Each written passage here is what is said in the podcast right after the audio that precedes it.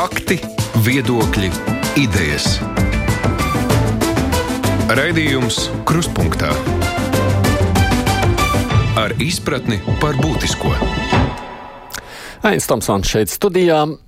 Šī krīze nav tāda, kāda tā bija pirms 12 gadiem Latvijā, kad vairums to ļoti sāpīgi izjutām uz savas ādas.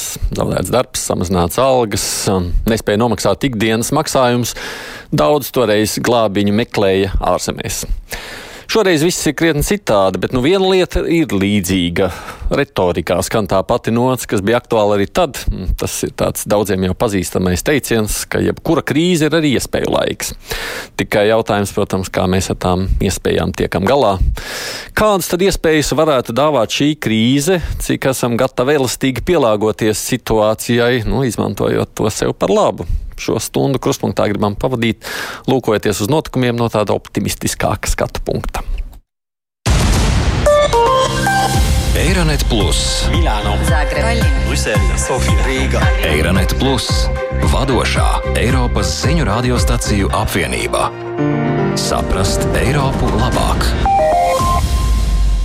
Nu, kā jau tagad pēdējās dienās ierasts, arī šodien mūsu viesi diskusijā piedalīsies attālināti no savām katras vietām.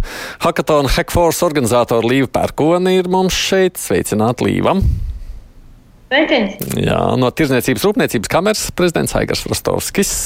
Labdien! Labdien! Labdien. Latvijas Investīcija attīstības aģentūras direktors Kaspars Roškauns. Labdien, Kaspar! Labdien! Un arī ministru prezidenta padomnieks ekonomikas jautājumos Jānis Upenieks. Labdien! Labdien! Mums šodien jau ētrā diezgan daudz ir skanēts, jau runāts par hackathonu un to, kas tur ir noticis šajās dienās. Un um, būtībā visas tās sarunas, cik man ir nācies klausīties labrītā, zināmais, nezināmā par to, nu, kā uzņēmēji ļoti strauji spēj šobrīd reaģēt, domājot par nu, visvairāk tieši šo medicīnisko masku ražošanu. Bija tā, ka uh, runa bija lielākoties tikai par to, ko tu daļai var darīt, vai arī tas skats bija mazliet tālākā nākotnē? Nu, pats hackathons tika radīts, lai meklētu iespējamos risinājumus gan šobrīd krīzē uzreiz, gan arī iespējams kādas idejas, kas varētu dzīvot ilgāk. Man šķiet, tās sejas maskas ir fantastisks piemērs, kurus varbūt par viņām arī mēs vairāk dzirdam tieši tāpēc, ka viņas arī ir vajadzīgas šobrīd ir un uzreiz. Un, un man tiešām prieks par, par to komandu, kas, kas to īstenoja. Tie pašā laikā komandā uh, Haktonā bija ļoti daudz idejas, kuras uh, ir, ir, ir aktuālas pirmkārt krīzē jau tagad, kas ir ne tikai medicīnas jomā. Uh, bija ļoti daudz idejas, kas varētu būt arī ļoti dzīvotspējīgas nākotnē. Uh, ne tikai, piemēram, Tīri varbūt no krīzes es gribētu uzsvērt uh, tādu platformu, kas bija palicis mājās, kur, kas aicina palīdzēt tiem, kuri šobrīd atrodas karantīnā vai pašizolācijā, kur nevar iziet ārā no mājas. Un, tā ir tāda tā kā brīvprātīgo kustības paškoordinēšanās, kas šobrīd arī mazliet ir aktuāla. Hmm. Bet tas ir tikai viens no vairākiem piemēriem. Tur bija 30, 28 komandas, un idejas bija ļoti daudz, un ne tikai par krīzi. Droši vien jau tām idejām daudziem gribētos dzirdēt, jo no vienas puses mēs sakām, nu, ko tam mēs varam darīt. Darbs ir tur, kur tu esi. Vismaz lielākā daļa droši vien no mums ir darba ņēmēji, nevis darba devēji, vai ne? Nu, tev, ja darba devējs saka, nenāc uz darbu, ar to viss arī beidzas. Un mēs kā gribētu sagaidīt, ka uzņēmēji. Nu, rot kādas ašas, jeb ātras vai interesantas idejas, ko tad tālāk darīt. Cik daudz Rastovs kungs vispār uzņēmēji šobrīd cenšas lūkoties tālākā nākotnē?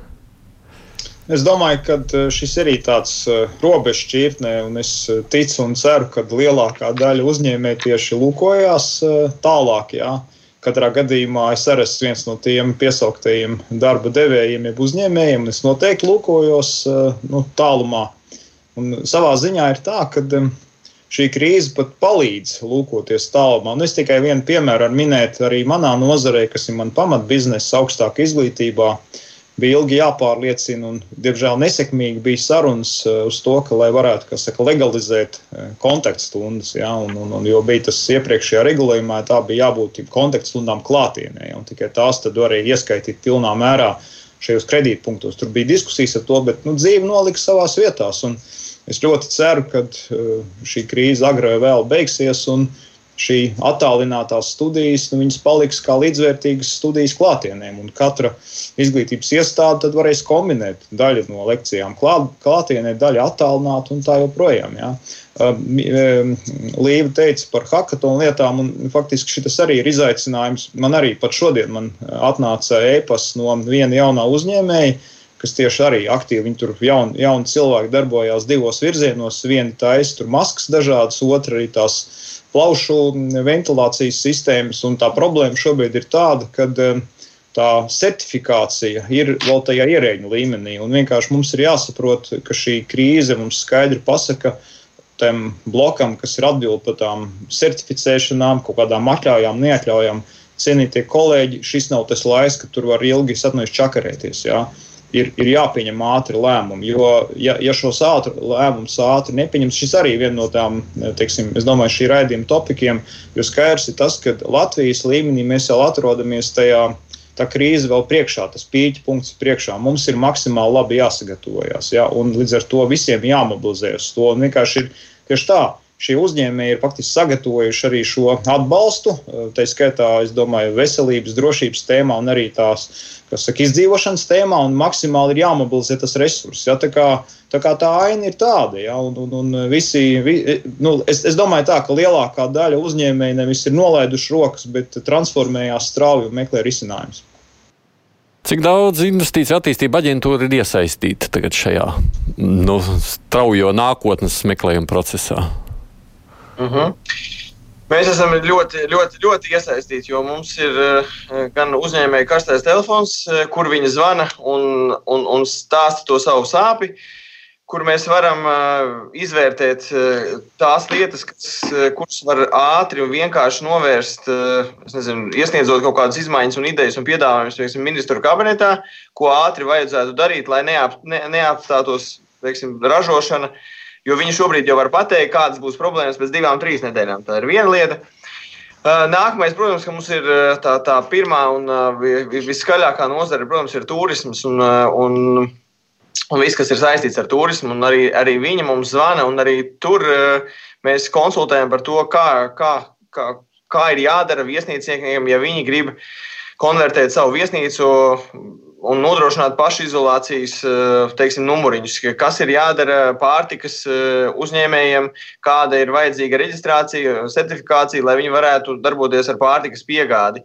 Tas pats arī, arī, arī pašā hackathonā, arī, arī mēs, eh, kā valsts pārvaldes iestāde, centāmies parādīt maksimālu operativitāti un, un, un pārdalīt līdzekļus un atrast teiksim, finansējumu, lai varētu uh, pievilināt hackathonam spēcīgākos gan mentorus, gan, eh, gan, gan spēcīgākās komandas. Un, eh, ma, manuprāt, šobrīd pie mums viss vis, vis notiek uz pilnu jaudu un par virs, virs 100%.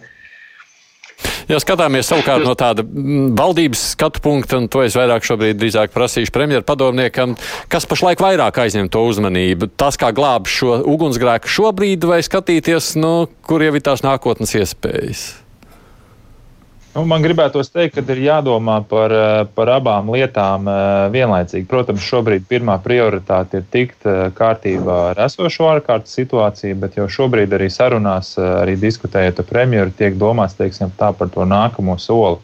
Ko darīt pēc tam, kad šis ārkārtas situācija būs paveikta, kas ir tā ekonomikas stratēģija, kā virzīties uz priekšu, kā atkal viņu iestartēt veiksmīgi, veiksmīgi lai viss darbojās un tie zobrati, kas uz šobrīd ir apstājušies, lai viņi atkal sāktu griezties, eh, iespējams, pat vēl, eh, pat vēl labāk eh, kā līdz šim. Tā kā fokus ir uz abām lietām, man ir tiešām milzīgs prieks un, un redzo, redzēt to, kā patiesībā, manuprāt, sabiedrība mainās. Ienāk tāda cilvēcība, tāda vēlme vienam, otra, vienam otram palīdzēt. Eh, un arī ir ļoti daudz piedāvājumu tieši valsts pusē, kā mēs varam palīdzēt, kā mēs varam nākt tālāk. Gan piedāvājumi par sejas maskām, eh, par respiratoriem, GPS, dažādas IT risinājumi, kā izsekot, atsekot, eh, ja, ja nepieciešams. Tāpat vakardien saņēmu pirmo zvanu, kur uzņēmums vēlas ziedot valstī līdzekļus, lai, lai, lai palīdzētu šo krīzi pārvarēt. Tas, tas, ir, tas ir ļoti labi, kā mūsu sabiedrība mainās. Bet fokusējamies šobrīd uz ārkārtas, ārkārtas situācijas risināšanu, bet domājam jau arī par nākamajiem soļiem, kā pēc tam restartēt un atgriezt ekonomiku atpakaļ tajā veselīgajā situācijā, kurā mm -hmm. bijām. Nostals kungs jau te pieminēja, ka nu, tas pirmais jautājums, kas vēl šobrīd ir tajā ierēģiņa līmenī, tas ir jautājums par certifikāciju. Mums kādas pāris dienas arī tāda attālināta, ja virtuāla saziņa ar mūsu kolēģi Ēriku Šmeļkovu, kas uh, šobrīd ir sazvanīta, es saprotu, un dzird mūs, vai ne, Erika? Jā, Labdien! Jā, jums arī savus bēdu stāstus sakot, cik ātri var paspēt norēģēt uz kaut kādām biznesa idejām, vai ne tā? Uh, jā, šobrīd jūs saruna izklausās gaužām rožaini, un tas ir ļoti labi. Bet uh, tas, ko es no savas puses redzu, un, un tas, ko es uh, nevilšus esmu arī izpētījusi un kam uzdūrusies, uh, proti uh, runa ir par ministriju koordināciju. Uh, par komunikāciju. Un šajā gadījumā runa bija par maskām, medicīniskajām, un kā es uh, rakstīju, tas bija publicēts neatkarīgi arī avīzē, ka uh, it kā šajās brīvdienās, nevis it kā, bet to man apstiprināja Veselības ministrijas preses sekretāri, ienāks krava ar, ar, ar medicīnai nepieciešamajiem mantām. Kādām to man neatklāja. Uh, Nu, lūk, un tajā pašā laikā es uh, redzu ziņu, ka Kariņa kungs ir uzdevis norganizēt koordinācijas centru grupu, kas pēta, cik kas kuram ir vajadzīgs. Un tad man ir jautājums, kas, kas tur notiek? Vai Kariņa kungs nezina, ko dara Viņģels kundze? Tas ir viens, lūdzu, noskaidrojiet. Otrs, ņemot vērā, uh, saliekot kopā informāciju, piemēram, Viņģels kundze pašā uh, krīzes sākumā teica, jā, mums ir rezerves. To pašu saka arī par pārtiks rezervēm. Nu, ir tā, ka es personīgi tam neticu. Patiesība ir konkrēta. Lūdzu, piedāvājiet skaitļus, ciparus, aprēķinus. Turklāt tagad pie apvāršņa ir parādījusies milzu nauda. Un kā mēs zinām no piemēriem par milzu naudu, pēc gada būs noteikti komisija, kas pētīs, kur ir pazuduši kārtējie 30 miljoni. Tas, ko es vēlētos no valdības puses, absolūtu, pilnīgu atskaiti par katru vates piciņu, par katru burciņu, kas ir iepirkta, par cik. Nu, labi, to viņi tad varbūt arī varētu iedot, bet kas ir tajās bažās par to, ka šobrīd nav koordinācija? Nu, tā kā es teicu, tā pilnīgi, uh, nu, jūs varat pajautāt šobrīd uh, Kariņa kunga pārstāvim, ja, kāpēc tagad tiek dibināta komisija, komiteja, koordinācijas centrs, lai izpētītu cik ir vajadzīgas maskas, kāda specifikācija, un tajā pašā laikā ir informācija, ka ienāk šajās brīvdienās krāva. No Ķīnas. Kas, jā, tā es nezinu, tur nebija rakstīts. Jo turklāt, lasot informāciju, ir zināms, ka Eiropas Savienība veids kopējo iepirkumu, kas būtu visiem izdevīgāks. Nu, lūk, man atkal rodās, ņemot vērā mūsu bēdīgo pieredzi, ka, kad parādās liela nauda, tad ir daudz neskaidrību. Nu, droši vien, ka es to sarunu neturpināšu. Es saku paldies Ērikai. Tās bažas laikam ir tā, sakot, nu redz, mums vajag, mums tiešām, mēs šodien esam daudz runājuši, tūlīt es arī došu jums vārdu. Sakot, nu mums vajag maskas, un te jau mūs iestreidzami ražo, vai ne? Un jau izdomājuši, atraduši idejas, bet redz, mēs tomēr pērkam no Ķīnas. Kas tad ir tā pa ķībēli, vai šī nav nekoordinācija? Jā, jā. Nē, Nē, šeit, šeit nav ķibele.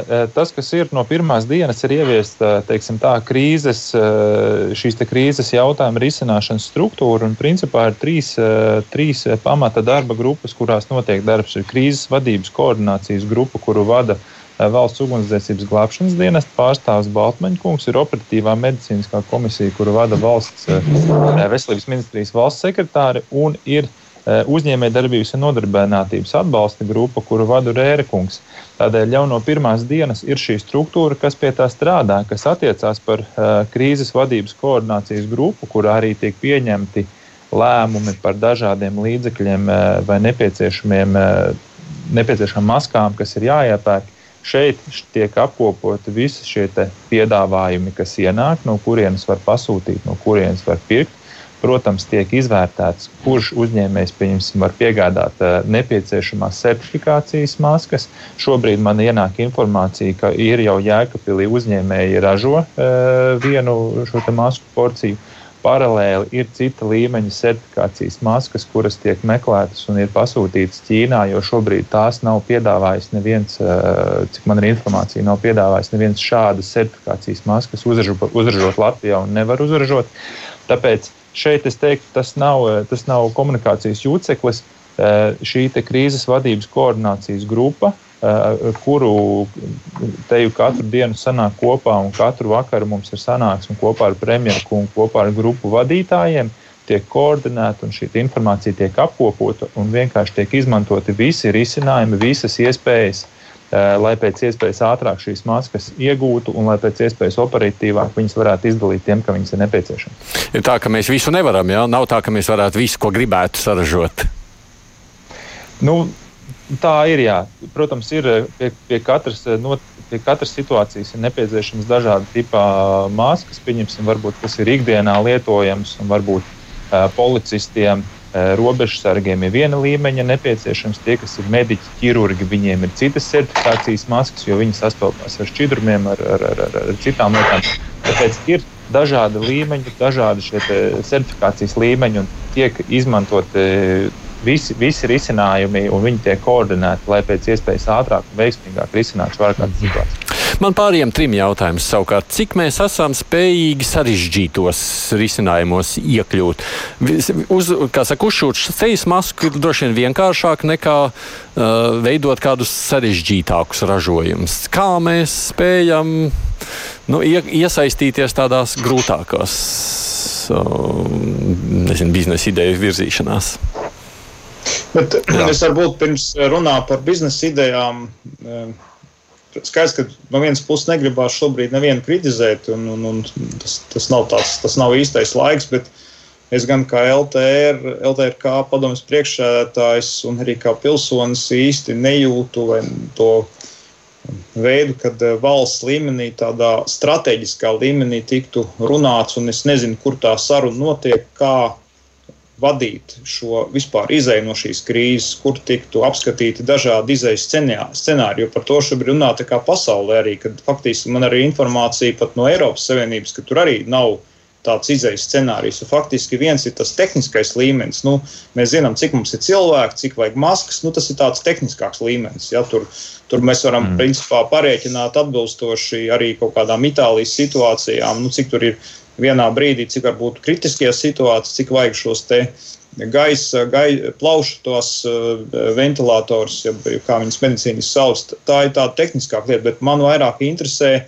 vingrinājums, strateģisks risinājums, kā mēs vienlaikus darām to, lai šo inficēto ir mazāk, vai vismaz viņi nav straujā tempā pieauguši un paralēli kā mēs iegriežam ekonomiku. Vai te jau pasaulē tiek runāts par um, helikopteru naudas, finanšu instrumentu, tas un te būtu vajadzīgs šis strateģiskais risinājums. Jo es varu pateikt tā, ka uzņēmu līmenī nu, tie, kas ne pirmo krīzi pārdzīvojuši tādu veidu uh, formācijas notiek. Jo es arī kā nu, uzņēmējs savos uzņēmumos domāju tādās kategorijās. Es vienkārši mēģina prognozēt, vai būs trīs mēneši, pusgads vai gads. Atkarībā no, kā, no tām tur vienkārši tiek būvēti dažādi scenāriji, gan budžeta scenāriji, gan darbinieku scenāriju, tur cik paturēt, cik diemžēl nevarēs paturēt un tā tālāk. Nu, labi, bet es tomēr atgriezīšos. Ir vienmēr ir patīkami prasīt, nu, ko valsts dara, bet man tiešām interesē, cik daudz mēs vispār esam spējīgi paši kaut ko darīt. Uh, atgriežos pie šī jautājuma, ko es prasīju. Es redzēju, ka Roškalnkungs jau cēla roku. Jā, tur ir, manuprāt, maskas ir, ir labi, bet tur, kur mēs iesaistījāmies no Lijā puses, ir tajā brīdī, kad, kad bija šis jautājums, ok, mums vajadzēs to, to, to un šo. Un tad mēs apzinājām tos ražotājus, kas šobrīd jau ražo, sapratām, ar, ar viņiem izrunājām, ko viņi var transformēt tajā ražošanā šodien, kā tas izskatās, kā, cik ātri vai grūti būs to nocertificēt un cik tas aizņems laika. Un tas pats arī, man liekas, ir hackathons būs lielisks piemērs, kur eh, tad, tad mēs varam noprognozēt matemātiski, ka vajadzēs, pieņemsim, divi, divi ar pus tūkstošu plaušu ventilatoru pie maksimālā pīķa. Šobrīd valstī ir apmēram 250, un, eh, un, un ir, ir radies, eh, manuprāt, diezgan, diezgan izcils risinājums, kur, kur pat par krietni lētāku naudu var radīt šādu te, te ventilatoru masveidā, jo tā problēma jau, ka visi viņu spērk šobrīd un vienkārši viņus nevar piegādāt. Un tas ir tas parāda to kreativitāti, kā mēs, kā, kā mēs skatāmies uz lietām. Tas uh, droši vien ir tas mūsu uzņēmēju reāli tas, tas, tā stipra, stiprā puse. Mēs paskatāmies, ok, ir, ir, mēs esam izgājuši cauri daudz dažādām krīzēm, iespējams, daudz smagākām nekā Rietuma Eiropa, un, un mēs salīdzinoši ar vēsāku prātu varam skatīties, ok, tagad mums vajag to paskatāmies, kā kreatīvi to atrisināt, eh, un, un, un ejam ar to, ar to uz priekšu. Kā, mēs pat tā kreatīvi, pieņemsim, ventilā, ventilātoru kreatīvi varam arī izveidot, proti atrast veidus, kā nepieciešamības gadījumā saražot. Ja? Jā. Jā. Savukārt, ja mēs skatāmies vēl tālāk, un mēs zinām, pasauli tur šobrīd aktīvi ir iesaistījusies, uh, meklējot vakcīnas, zāles, medicīnu. Mums, piemēram, farmācija taču arī Latvijā ir salīdzinoši nesveša joma. Tur mēs arī kaut kā varam savus zinātniekus vai darbiniekus iesaistīt. Jā, par, runājot, runājot par zinātnes pusi, tur arī ir dažādos pētniecības institūtos notiek darbs. Tas pats jā, jāpiemēr arī tas Beijing Genome institūts, kuri nodarbojas ar, kur, kas ir Ķīna, Ķīnas kapitāla investīcija Latvijā, kuri arī nodarbojas tieši ar šo pētniecības, pētniecības pusi un, un pēta un, un meklē zāles vīrusam. Uh, Tā kā, tā kā zin, zinātnieki ir, ir, ir, ir pieslēgušies, un, un viņi arī ir sasaistē ar Eiropas, ar Eiropas zinātni, lai darbotos vienā virzienā. Lai nav tā, ka katrs zinātnieks darbojas ar pētniecības darbiem dažādos virzienos, bet lai mēs maksimāli ātri atrastu teiksim, risinājumu no, es nezinu, vai tā būs vakcīna vai kāds. Vai vīrus, cits vīrus, kas darbojas pret to, vai vēl kāda, kāda cita blokāde. Uh, tad, eh, tad ir jādarbojas dažādos virzienos. Un tikai visticamākais viens vai divi, kā sacīja, jāsaka, izšaus.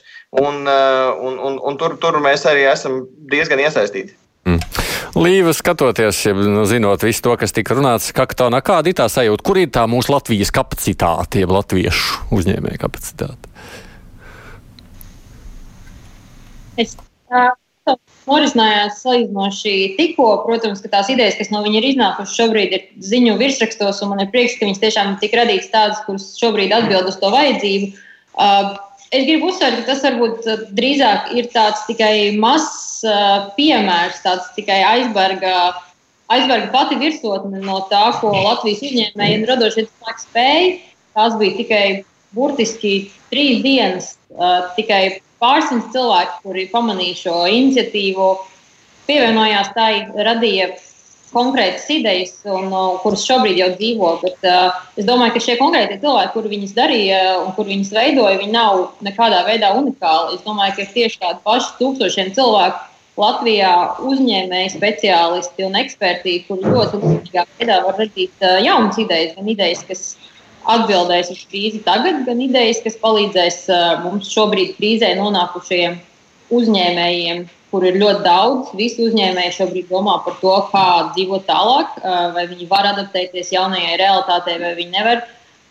Un mēs gribam, protams, būt tā valsts, kas var adaptēties. Un ne tikai adaptēties, bet izmantot šo situāciju savā labā un radīt jaunas idejas, kuras dzīvos ilgtermiņā.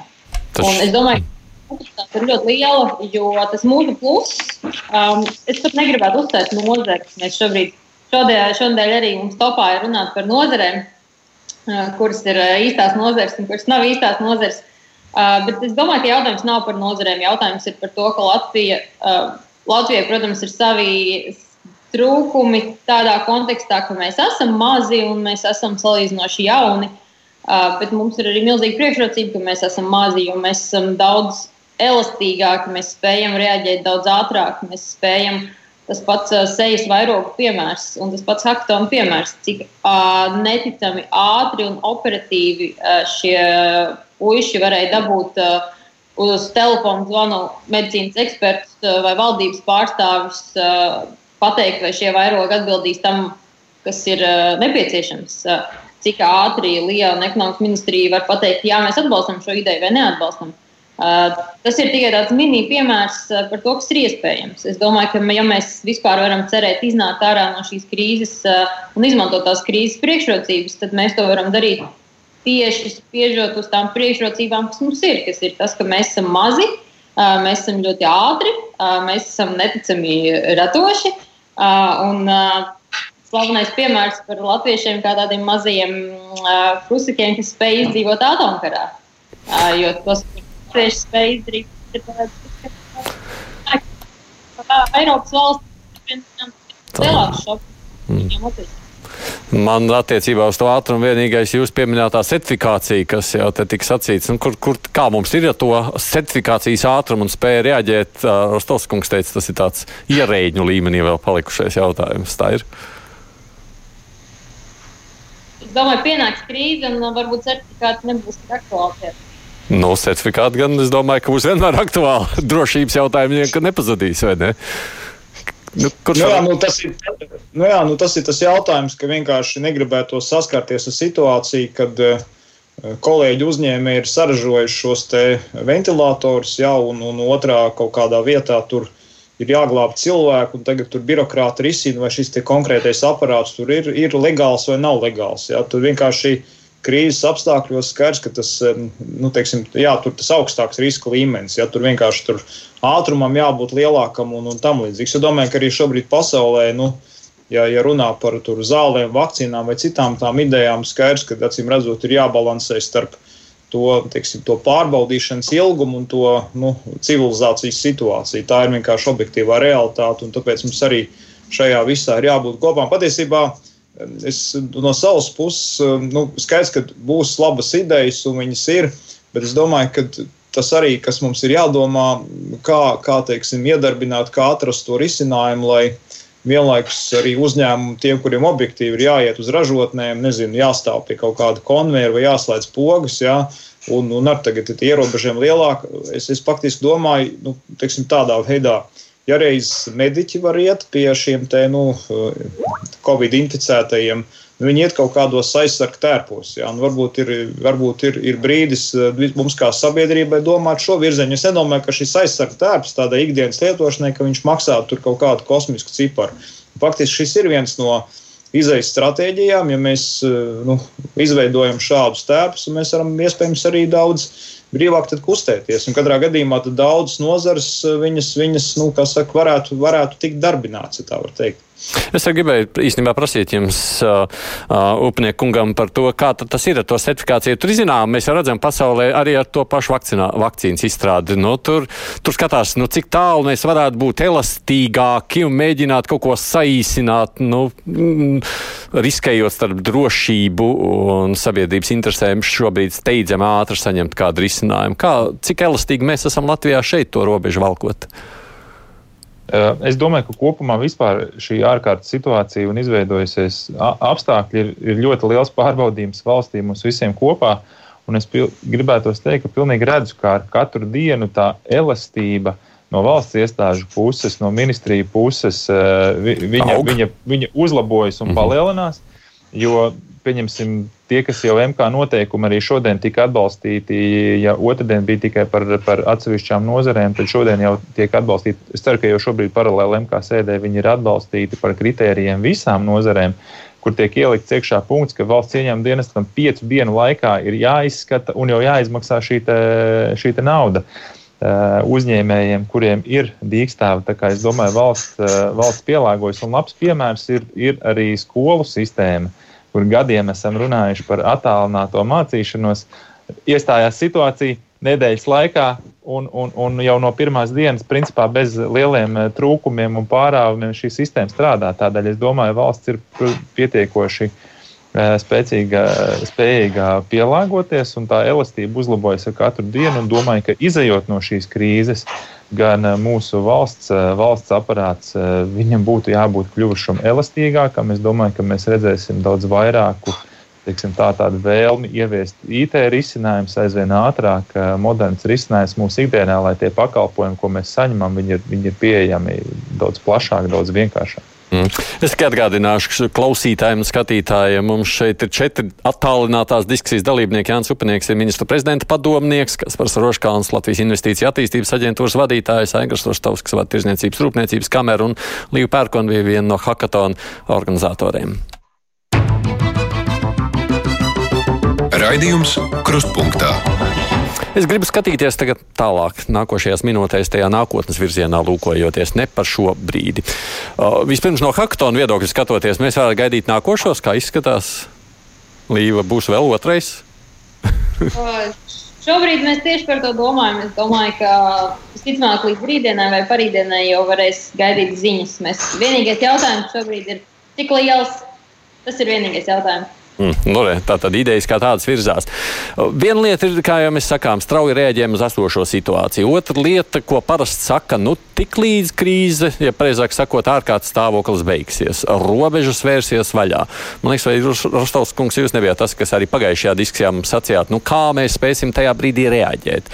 Ko tad vajadzētu, ja kā mums vajadzētu gatavoties šim? Jo tajā brīdī droši vien jau vēl valstīs būs šī nepieciešamība katram domāt nu, kā tajā konkurences cīņā uzvarēt, vai ne tā? Nu, precīzi, jo savā ziņā tā dzīve sastāv tā kā, no tādiem diviem posmiem. Ir tāds lineārais posms, kad nekādas īpašās izmaiņas nav. Nezinu, tu no rīta ieslēdz televizoru vai ieslēdz telefonu, nekas nav mainījies. Šobrīd, un tas ir tas lineārais posms, šobrīd situācija mainās pa stundām. Ja? Faktiski savā ziņā tādā starpvalstu konkurences cīņām šie turbulences brīži ir tie paši svarīgākie, jo mēs šobrīd, kā sabiedrība, transformēsimies ātrāk, veiksmīgāk uz visām tām pozitīvām lietām, uz savstarpējo sadarbību, uz tādu elastību, uz tādu birokrātijas mazināšanos, uz tādu pastiprinātu digitalizāciju. Jo mēs eh, tajā iznākšanas brīdī varam faktiski uzlikt tajā starptautiskajā nu, labklājības cīņā savā ziņā daudz augstāk tas, kas ir pats pats galvenais, šo visu pēc tam neaizmirst. Tā kā neaiziet atpakaļ tajā inertumā, tajā tādā arogancē un tam līdzīgi. Bet, jums ir, bet jums ir skaidrs, nu, ko tad vajadzētu tagad darīt, kā gatavoties, lai tajā brīdī, kad mēs esam tajā uh, pakāpienā augstāk? Ne, nu, redziet, te, te jautājums tā. Um, šis ir jau tāds katrs, katrs uzņēmums, kas ir nu, ilgi pastāvējis, kas ir pārvarējis iepriekšējās krīzes, šis, viņi, viņi visi tādā uzņēmuma līmenī nu, jau, jau redz uz priekšu. Es nedomāju, ka kādā vienā kabinetā tagad ir jāizgudro nu, kaut kāda universālais universālai scenārijs. Jā. Tas ko, tas, ko faktiski valsts var izdarīt, piegādāt šos instrumentus. Nu, zem instrumentiem es domāju, piemēram, ļoti labu Eh, finansēšanas sistēmu, tad, tad iespēju ātri, viegli un konkurētspējīgi aizņemties to naudu. Jo, piemēram, tajā pašā brīdī iedomājamies situāciju, tagad kāds, eh, kāds ir iestrādājis teiksim, šos te pašus eh, ventilatorus, varbūt viņiem vēl caur šiem plaušu ventilatoriem vēl rodās kaut kādas idejas, nu, kā var veikt intervencijas teiksim, vispār tajā veselības industrijā. Ja? Un tajā brīdī ir situācija tāda, ja vajag palielināt ražošanas jaudas, un te ir jautājums teiksim, par banku sistēma spēja to kreditēt. Ja, jo, jo, nu, un, un tādas lietas, jo nevajag jaukties, nevajag valstī vai tur ierēģiem jaukties un mācīt, kā uzņēmējiem tur darīt lietas, bet viņiem ir jāpiedāvā šie instrumenti. Ja, un, un tas ir tas jautājums. Piemēram, arī uz to pašu. Mums prieks ir sadarboties ar, ar, ar Kaspāru Roškā un ar Lijā. Vienkārši tā kā tā ir tāda koordinācija. Piemēram, mēs skatāmies uh, otrajā brīdī kaut kādā vienā no tirgiem mēs varam strauji iet iekšā. Tur vajadzīgs arī tīri tāds cilvēcisks atbalsts, piemēram, konkrētajā tirgū, palīdzēt uz vietas, tur ātrāk, ātrāk sameklēt kaut kādus aģentus, izplatīšanu samadzīgi. Tie, tās ir tās lietas, un tā ir tā sadarbība, jo faktiski, ja, ja biznesa sadarbojās ar, ar, ar valsti, jā, jo otrā solī iegūstam mēs visi, jo, nu, kas saka, uzņēmums aug un arī nodokļu ienākumu palielinās, jā, un pēc tam otrā solī arī visiem tiem Eh, valsts saka, cilvēkiem, ārstiem, skolotājiem un tiem pašiem ierēģu korpusam var palielināt algas. Tā ir tā loģika. Ja? Tad, tad vienkārši būt dinamiskiem, būt tādā uz sadarbību orientētiem tajā brīdī, kad šis viss beigsies un sāksies mm. nākamais etaps. Labi, par to pašu nākamo etapu pārējie, jā, līdzi droši. Es jūs nedzirdam, jums pazuda skaņa. Vai nu mikrofons nav dzirdams? Es oh. gribētu uzsvērt, ka ir jāgaida, ka nevajag gaidīt to brīdi, kad tas uh, etaps, kad šī krīze beigsies. Uzņēmēji, tie, kas uzvarēs, tie būs tie uzņēmēji, kuri sāks darīt jau šobrīd. Um, es mazliet darīt, vairāk darīt ko šobrīd jau? Darīt ko šobrīd? Ko?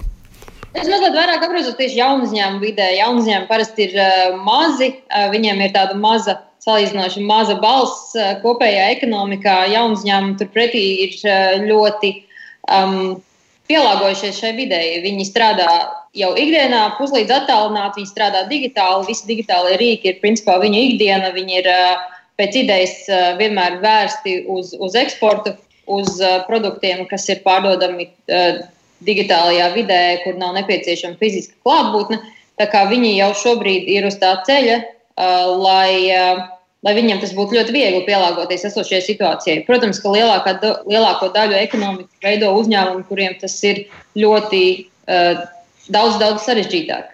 Uh, tas ir viņu lielais uzdevums. Iespējams, ka šis ir tāds īstais brīdis, kad kaut ko mazliet iemācīties no jaunu uzņēmumu vidas, uh, bet šis ir tas brīdis, kurā lieliem uzņēmumiem tradicionālajiem uzņēmumiem, kurus sastāda šo milzīgo daļu mūsu budžeta ieņēmumu, vai viņi būs spējīgi pietiekami ātri pārorientēties uz darbu tādā tīri digitālā vidē. Un tie, kur būs spējīgi, es domāju, ka tie iznāks ārā uzvarētāji. Nu, no otras puses, ne jau viss notiek tikai digitāli. Kaut kādām precēm jānokļūst līdz manām mājām taustāmā veidā. Krēslu man vajag, ēst vajag. Nu, nu, tādā ziņā, ka jau tur droši vien varbūt iespēja ir nu, kaut kā vairāk iziet tajā pasaulē nekā līdz šim. Ne? Jā, bet piegādāt jau var, piegādāt var, nu, online var nopirkt, un krēslu un pārtiku var piegādāt uh, pie durvīm, kas uh, līdz, līdz šim uh, ir īpaši vecajā Eiropā salīdzinoši maz noticis. Un tagad mēs redzam, ka, ka tas tā online tirdzniecība ar sprādzienu, nu, sprādzienu veidīgi attīstās. Un tas, kas uzņēmumiem, piemēram, ir vajadzīgs, ka viņš, viņ, viņam līdz šim, pieņemsim, Vācijas tirgus bija ļoti grūti aizsniedzams, jo uzņēmēji, nu, tur iedzīvotāji negribēja tur pirkt to preci un nezināja, kas tas par brendu un tā. Un šobrīd tas ir tā iespēja, ka ja viņš atrod īsto konsultantu un, un no valsts puses mums ir instruments, kas viņu nokonsultēs par to, kā pārdot vācu Amazonē, kāda ir atslēgas vārdi, kādam jābūt ir mārketingam uz Vāciju, tad uh, viņam ir vienlīdz uh, jaudīgas iespējas izšaut kā vācu uzņēmumam, jo tur tajā, tajā pusē viņi, viņi izskatās vienādi. Un tas ir tas, uh, par ko šobrīd mēs domājam, kā, kā dažādos šajos tirgos, kur ir. Nu, kur, kuri arī ir stagnējuši, kur ir apstājušies, bet kur ir restartēties, lai mēs saprastu un runātu ar uzņēmējiem, ko, kāds mājas darbs viņiem jādara tagad, mūsu pusē ir jāsagatavo jau instrumenti par to, par ko runāja LTRK. Ja tajā brīdī, kad vērsies vaļā, lai uzņēmēji ir izdarījuši mājas darbu, viņi zina, uz kurien viņi ies un kā. Un uh, mūsu pusē ir iespēja viņus uzreiz atbalstīt. Nevis ar 3-4 mēnešu nobīdi, bet uzreiz. Un tas, tas būs tas tieši tas salikums, būs tas atslēgas faktors. Uh, vai nu viņš būs sazobē valsts ar, ar uzņēmējiem, vai nu nebūs. Mm -hmm. Nu, šobrīd es saprotu, pieņemsim no kaut vai no šāda skatu punkta lūkojoties. Nu, jā, cilvēks iespēja iepazīstināt ar produkciju šobrīd, kamēr viņi vēl te nav iespējams aizvest uz Vāciju, bet tādā ziņā, ka cilvēki interesējās. Šis ir tāds labs, skatās internetā, jā, meklē, interesējas, un tik līdz var tā dodas. Tā esam iekšā. Jā. Apmēram tā. Nē, bet arī šo, e, te jau kolēģi runāja, arī šobrīd process notiek. Mums arī no virkni LTRK biedriem šobrīd e, aktīvi darbojās šajā attālinātā piegādes e, ķēdē, un šobrīd jau nekas nav mainījies. Vienkārši tas, ko arī Roškāla kungs teica, nu, Šobrīd vienkārši ir tas notiek šis sprādziens, kad vairāk cilvēki ir gatavi nu, un arī apstākļus spiež nevis iet uz veikalu, bet, nu, saka, savā ziņā konservatīvie vācieši ir gatavi vairāk riskēt un pirkt preces no, no teiksim, piegādātājiem, kurus viņi vairāk varbūt nezināja tik ļoti, bet viņam tā prece tā patīk. Nu, te ir tā vieta, kur mūsēji var iespiesties. Un nav jau stāsts tikai par Vācijas tirgu, stāsts par visu globālo tīmekli. Tad, tad izveidojot šobrīd jaunu zīmolu vai viņu paplašinot, šis ir tas moments, kur var tajā globālajā sacensībā un iegūst fantastiskus tirgus apjomus. Kas nozīmē, ka šis ir tas mirklis, kad visvairāk mums varbūt šajās dienās jādomā tieši par mārketingu.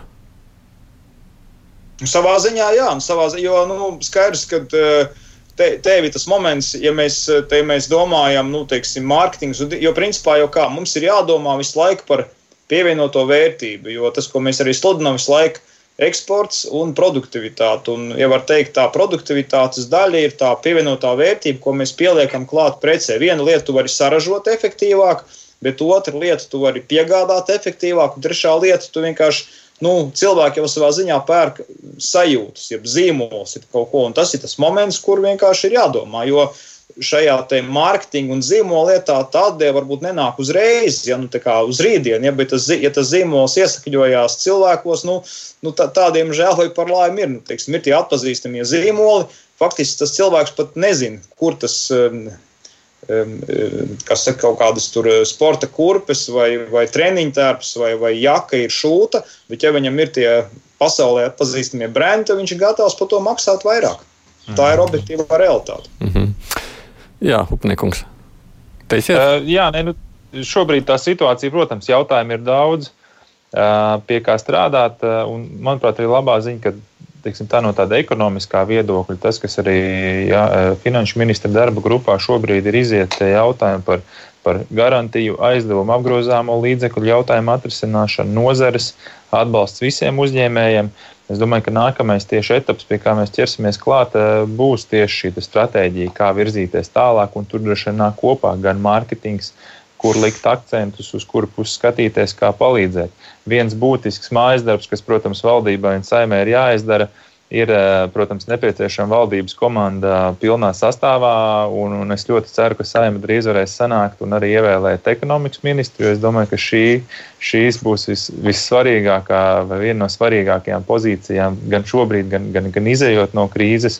Un domāju, ka eh, pēc tam kopīgi ar uzņēmējiem, ar LIA, ar, ar, ar jaunu uzņēmumu pārstāvjiem un, un visiem atradīsim gan tos instrumentus, vai tie ir fondu līdzekļi, vai tie ir valsts pasūtījumi bet, bet sadarbība. Bet, jebkurā gadījumā, es domāju, ka šīs šis eh, posms būs nogrāvis mums tās barjeras un ļāvis pieņemt tos modernos, attālinātos risinājumus. Es domāju, ka tas mums kā valstī, arī kā uzņēmējiem, atver to, to visu pasaules plašo tirgu vēl, vēl, vēl labāk vaļā. Mm, Ligits kundze ir raksts, ka viņas prāt, nu, tā pārfrāzējot viņas sacīto, būtu labi, ja mēs varētu tagad ne, to, ko gribējām visu laiku no Ķīnas pasūtīt un pirkt, ka mūsu tā interese būtu mm, šobrīd varbūt tiešām noķert vietējo vai Eiropas patērētāju. Nu, par e-vidi arī mēs jau šeit runājam. Ir vēl viens aspekts, ko droši vien jāpiemina, tas ir tāds kopējais Eiropas. Nu, nezinu, politika, jeb finansējums. Ņemot vērā, ka mums ir šobrīd sazvanīts Eiropas parlamenta deputāts Ivars Ijāps. Ijāps, labdien! Sveicināti! Es saprotu, Eiropa jau arī grasās nu, vai dod naudu, lai atbalstītu, meklētu šobrīd to krīzes pārvarēšanu. Cik daudz ir runa par tādu pašreizējo situāciju un cik skats nākotnē, lai, nu, lai palīdzētu uh, pēc tam biznesam atkopties? Nē, nu ir kaut kādi īstermiņa uzdevumi, un tas, protams, ir tas jautājums, kas droši vien jau ir izskanējis par to, ko Eiropa var darīt, attīstot kaut kādas tehnoloģijas tieši tās epidēmijas saīsināšanai un mīkstināšanai. Tas ir jautājums gan par uh, pētniecību, tur attiecībā uz vakcīnām, ārstēšanu, diagnostiku. Pie visās šajās lietās Eiropas Savienība ir ieguldījusi pēdējās nedēļās, man liekas, kaut kāds 47 miljonus eiro, lai šajā virzienā strādātu. Nu, tālāk, protams, ir visi tie jautājumi, kas saistās ar eh, nu, ekonomikas kopējo atgūšanos. Un tur nu, ir vesela virkne spēlētājiem. Protams, mēs runājam par grantiem, eh, kādus mēs arī šodien visdrīzāk piebalsosim Eiropas parlamentā, jo šo pēcpusdienu mums ir neklātienes balsojums par no nu, kādiem 37 uh, miljardiem eiro tieši palīdzībai šobrīd. Bet eh, tālāk tie ir tie lielie uh, makroekonomiskie un makropolitiskie jautājumi par uh, Eiropas investīciju bankas iesaistīšanos, par Eiropas centrālās bankas un tā stabilitātes mehānismu iesaistīšanu, kas ir simti miljardu naudas, kas varētu ieplūst ekonomikā tieši tādēļ, nu, lai mūsu uzņēmumi visur uh, neaiziet pa burbuli un arī lai darba vietas mēs nepazaudētu. Jo tas galvenais risks jau, protams, mums visiem ir tas, ka, mēs, ka cilvēkiem krīt ienākumi un cilvēki zaudē darbu. Un tur Eiropai būs nepieciešams vienkārši tad, kad tā nu, teiksim, asā epidemioloģiskā fāze būs pāri, ka būs nepieciešams tajā ekonomikā iedurt kaut kādu injekciju, lai aiziet uz priekšu eh, tīri izaugsmu. Tas ir diezgan skaidrs, diemžēl, ka mēs visdrīzāk šogad Eiropā piedzīvosim recesiju, kas ir nu, ļoti bēdīgs fakts. Bet tad, kam tad tieši to naudu domāt? Tas būtu kā uz vietas lemjamais jautājums, ja tas vēl ir nākotnes iz lemšanas? Nu, tas ir droši vien, šobrīd nākotnes izlemšanas jautājums, bet ir skaidrs, ka nu, pirmkārt tas ir vai, vai tas ir jautājums par piemēram tādām attīstības organizācijām kā Latvijā ir Altums, vai tas notiek caur komercbankām, vai arī tas notiek elementāri nu, cilvēkiem palīdzot, piemēram, pagarinot viņu bezdarbnieku pabalstus, kas arī ir liela tēma. Jo mēs zinām, kā mums gāja 8. un 9. gadā, kad nu, tā valsts sociālā spēja nodrošināt eh, bezdarba pabalstu bija ļoti ierobežota, kā rezultātā cilvēki vienkārši aizbrauc projām diezgan liela daļa. Es domāju, ka Latvijas galvenā interese ir tieši pie tā strādāt, lai cilvēkiem ir darbs šeit un lai viņi nebūtu spiesti braukt prom. Mm, nu jā. Savukārt, runājot vēl par vienu jautājumu, nu, daži jau saka, ka tā nākotnē tas būs arī tāda, zinām, konkurences cīņa pašā Eiropas Savienības valstu starpā par to, kurš tad sekmīgāk un kādā veidā tur pārdala uh, iespēju pieeja tirgumu. Tas jautājums ne, nav šobrīd kļuvis par aižu objektu. Pieeju tirgumu tā ir milzīga tēma, kas ir. Mēs paši par to piedzīvojām pagājušajā nedēļā, kad bija tas stāsts par Poliju ne, un robežām, kuras ļoti daudzi grib taisīt uh, ciet. Nu, es domāju, ka tas lielākajai daļai saprātīgi domājošu cilvēku Eiropas Savienībā ir skaidrs, ka šobrīd taisīt kaut kādas barjeras uh, brīvajam tirgumam Eh, Eiropā būtu absolūts neprāts, un mēs to nevaram atļauties, tāpēc ka gal galā tā konkurence ar Ameriku un Ķīnu jau nekur nav pazudusi. No tā ir Eiropas Savienības lielā funkcija, ka mēs rūpējamies par to, lai piedošana arī latviešu uzņēmēji var brīvi konkurēt un vest savus preces, un lai nav šis stāsts, kādu mēs jau esam pēdējās nedēļās piedzīvojuši, kur valsts vienkārši aizstājas ciet robežu. Precēm, ne jau tikai cilvēkiem. Cilvēkiem mm -hmm. tas ir mhm. pašsaprotami. Mm -hmm. Labi, paldies Ivars Ijāps, kurš ir Eiropas parlamenta deputāts. Tā Eiropas piešķirtie miljoni, jeb, nu, jā, tur arī ir stāsts. Šodien es sapratu Latvijas ziņu, tā Latvija varētu saņemt kāds 800 miljonus. Vismaz tā tad ziņa nāca no Briseles. Tā ir tāda vēl viena papildus nauda, kas dod prieku vai cerību, Rostovs kungs.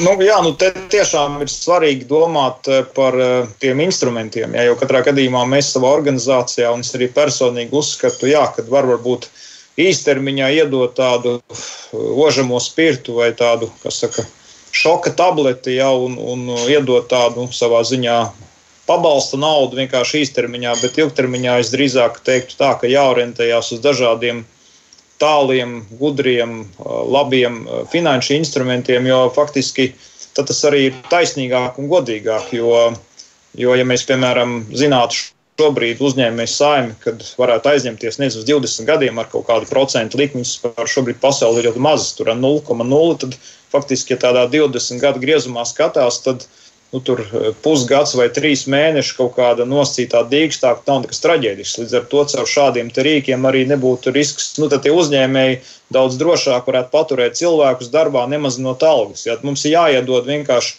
biznesa saimē to pārliecību par to, nu, par to, to ilgtermiņu pārliecību. Jo šobrīd jau tas tā lielākā nu, tā bažas ir par to, ka nu, tas ir par cik neka, ir viss apstājies, vai viss vai liela daļa apstājusies. Vienkārši, kad uh, gan uzņēmumiem, gan cilvēku līmenī, nu vienkārši burtiski katastrofāli ātri krītās šī apgrozāmie līdzekļi. Es, protams, nesaku, ir atsevišķi nozars, tur, kā jau te mēs runājām, tie, kas ir pārorientējušies, bet ja mēs skatāmies, nu, par kaut kādām tādām tradicionālākām nozarēm, vai tas ir meža izstrāde, vai kaut kādas ražošanas, vai, vai tās pašas naftas piegādes, teiksim, lidostai. Nu, tur visur ir, tur ir sto, vai turisms, ja, un vienkārši tur ir apstājies. Ja. Un, ja, piemēram, tāda pat turisma kompānija zinātu, ka viņa var aizņemties ilgtermiņa naudu uz 20 gadiem, nu, tad viņi arī varētu pār, pārziemot, ja var teikt, šo, te, šo te īso periodu. Ja? Mm -hmm. es, vairāk, es vairāk uzskatu, ka jāskatās ir tajā, tajā nu, finanšu instrumentu virzienā, ja? bet viņiem jābūt konkurētspējīgiem ar, ar, ar Eiropu pasauli. Es pilnīgi piekrītu Iepkungam, kad brīvais tirgus un uh, brīvas robežas, tas ir un godīga konkurence, tas ir viens no galvenajiem instrumentiem, lai mēs konkurētu kā Eiropa globāli, ja, jo šī cīņa tiešām nekur nav pazudusi. Ja, tā ir izdevīga arī Latvija, Latvijas uzņēmējiem, lai maksimāli pieejami citi tirgi. Mm, jā, jā. Pabeidzot vēl to sarunu, man ir kāds trīs minūtes. Tikai tik daudz sakot, pagājušajā krīzē mēs runājam par šo ekonomikas sildīšanu. Man regulāri nāk kādas vēstulītes, nu kā tad tur ir ar ceļu būvēm, ar infrastruktūras uzturēšanu vispārējais. Cik daudz šī ir tāda valsts rūpes, sakot, labi, uzņēmēji viens puses dara ar savām iniciatīvām, bet no otras puses valstī vienkārši jāatbalsta šie te, nu, infrastruktūra vienmēr būs vajadzīga gan krīzē, gan pēc krīzes. Nu, yeah. Jā, nu, par cik varbūt ir citi izteiksies, bet tā ekonomikas teorija saka tādu, ka tajā brīdī, kad ekonomika iet labi, tad valstī vajadzētu būt pasīvākai, lai tas bizness pats tur rulē un tie tirgus instrumenti vairāk darbojās. Un tajā brīdī, kad iet recesija, tad būtu tas brīdis, kad valstī varētu nākt ar intervenciju, lai, lai to ekonomiku sildītu. Tā ir tas, ir tā, tā kā pareizi būtu no ekonomikas teorijas viedokļa. Nu jā, tāpēc es par to prasu upniekungs. Jā, ne, arī pretēji, pretēji 8. gadā, kā bija, nu, kad, kad tika darīts varbūt arī pretēji ekonomikas teorijai, kad, kad iedzīvotāji tērē un valsts. Nu, nebija naudas vienkārši vairāk. toreiz, nebija naudas. Jā. Jā, nebija. Bet šobrīd es tieši aizvakar sazvanījos ar savu ekonomikas pasniedzēju Mortenu Hansenu, kurš arī fiskālās disciplīnas padomas loceklis. Viņš teica, ka šobrīd valsts rīkojas pēc teorijas precīzi un pareizi jo, kad, kad ir ekonomikas lejupslīde, tad valstī ir jāinvestē pēc iespējas vairāk līdzekļu, lai stimulētu šo ekonomiku. Un es domāju, ka tas ir tas, eh, kas tiks darīts uz priekšu, kam tiks izmantoti gan šie līdzekļi, ko mēs izcīnīsim liņu no Eiropas, Tāpat arī priekšā, pēc tam, kad krīze būs pārvarēta, atgriezīsimies pie sarunas par septiņu gadus, par daudzgadu budžetu. Es domāju, ka šeit būs lielas diskusijas, uh, cīņas, uh, kā, kā, kā, palīdzēt, uh, kā palīdzēt uzņēmējiem un kā stimulēt ekonomikas atgriešanos iepriekšējos apmēros. Savukārt, Līva, kas attiecas uz tām jūsu nākotnes hackathon idejām, tad tas ir tā vairāk uz to inovatīvo pusi vai nekādā veidā. Nu, kā vēl pa jaunam, ja? Palūkoties. Viennozīmīgi. Uh, es domāju, ka mēs jau pavisam drīz noteikti izziņosim uh, vēl kādu hackathonu, kur, uh, kas noteikti būs atvērts pilnīgi jebkuram. Te es atkal gribu mazliet uzsvērt, ka šis ir mazliet cits hackathonu formāts, kurā piedalās ne tikai programmētāji vai, vai dizaineri uh, vai cilvēki ar specifiskām tehnoloģiskām zināšanām, bet uh, šajā gadījumā mēs meklējam un aicinām iesaistīties visus. Uh, vēlreiz uzsverot šo vienu piemēru par teiksim, brīvprātīgo platformu. Tādas izstrādēji pēc būtības nav nepieciešams nekādas uh, īpaši specifiskas tehnoloģijas zināšanas. Uh, jaunus biznesus uh, var radīt. Ja Tā. Nu, es to arī noteikti gribu uzsvērt. Jā, mums mazliet arī dažas tehniskas ķibeles, bet es saku jums paldies. Saruna līdz ar to mums arī ir jānoslēdz. Šodien bija mums attālināti pievienojušies mūsu diskusijai četri mūsu diskusijas dalībnieki. Hackathon Hackforce organizatori Līva Pērkona no Tirzniecības rūpniecības kameras, prezidents Aigars Rostovskis, Latvijas investīcija attīstības aģentūras direktors Kaspars Roškalns un ministra prezidenta padomnieks ekonomikas jautājumos Jānis Upinieks. Paldies jums par šo mūsu sarunu. Es tikai tā pavisam par tālāko rīt, kā parasti piekdienā žurnālisti pārnās nedēļas aktualitātes. Es domāju, tur būs ko runāt. Man Māra Jansona kolēģi vadīs šo raidījumu, un mēs vēl ar radio klausītājiem tiekamies arī šodien raidījumā divas puslodes pēc pulksten trījiem, kad runājam par pasaules notikumiem. Nu, tur, protams, arī ir daudz runas par krīzi pasaulē. Spiedīsim, kā pasaule grasās pārvarēt šos ekonomiskos izaicinājumus. Mēs atsevišķi pievērsīsimies Amerikas Savienotajām valstīm, kur Bet prezidents Donalds Trumps grib atcelt pat šos stingros ierobežojumus vīrusu dēļ, uztraucas par ekonomiskajām sekām. Un arī par Eiropas Savienības nākotni mazliet plašāk pārunāsim. Tātad tas viss pēc pulksten trijiem radioētrā. Producents tevi junām un studijā šodien biju es šeit, Aidis Tomsons. Eironet Plus, Milāno, Zagreba, Brisele, Sofija, Rīga. Eironet Plus, vadošā Eiropas ziņu radiostaciju apvienība. Saprast Eiropu labāk. Fakti, viedokļi, idejas. Raidījums Kruspunkta ar izpratni par būtisko.